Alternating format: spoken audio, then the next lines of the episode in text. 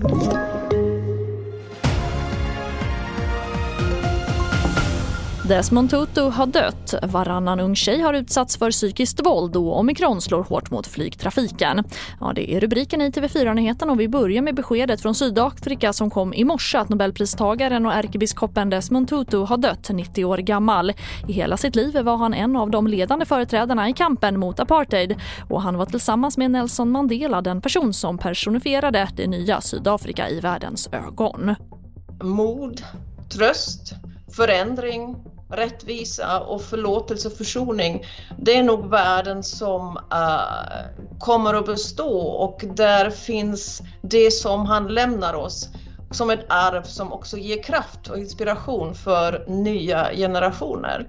Och det sa ärkebiskop Antje Jackelén.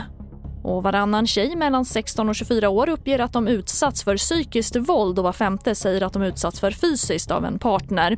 Det visar en ny rapport från Brottsförebyggande rådet, BRÅ.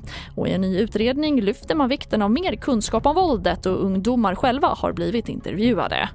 Deras allvarligaste budskap tycker jag är att de känner sig svikna av vuxensamhället.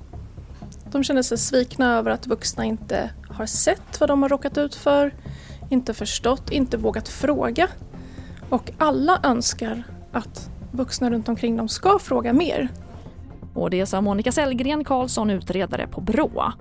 Och vi avslutar med att omikronvarianten av coronaviruset slår hårt mot flygtrafiken och resenärer världen över.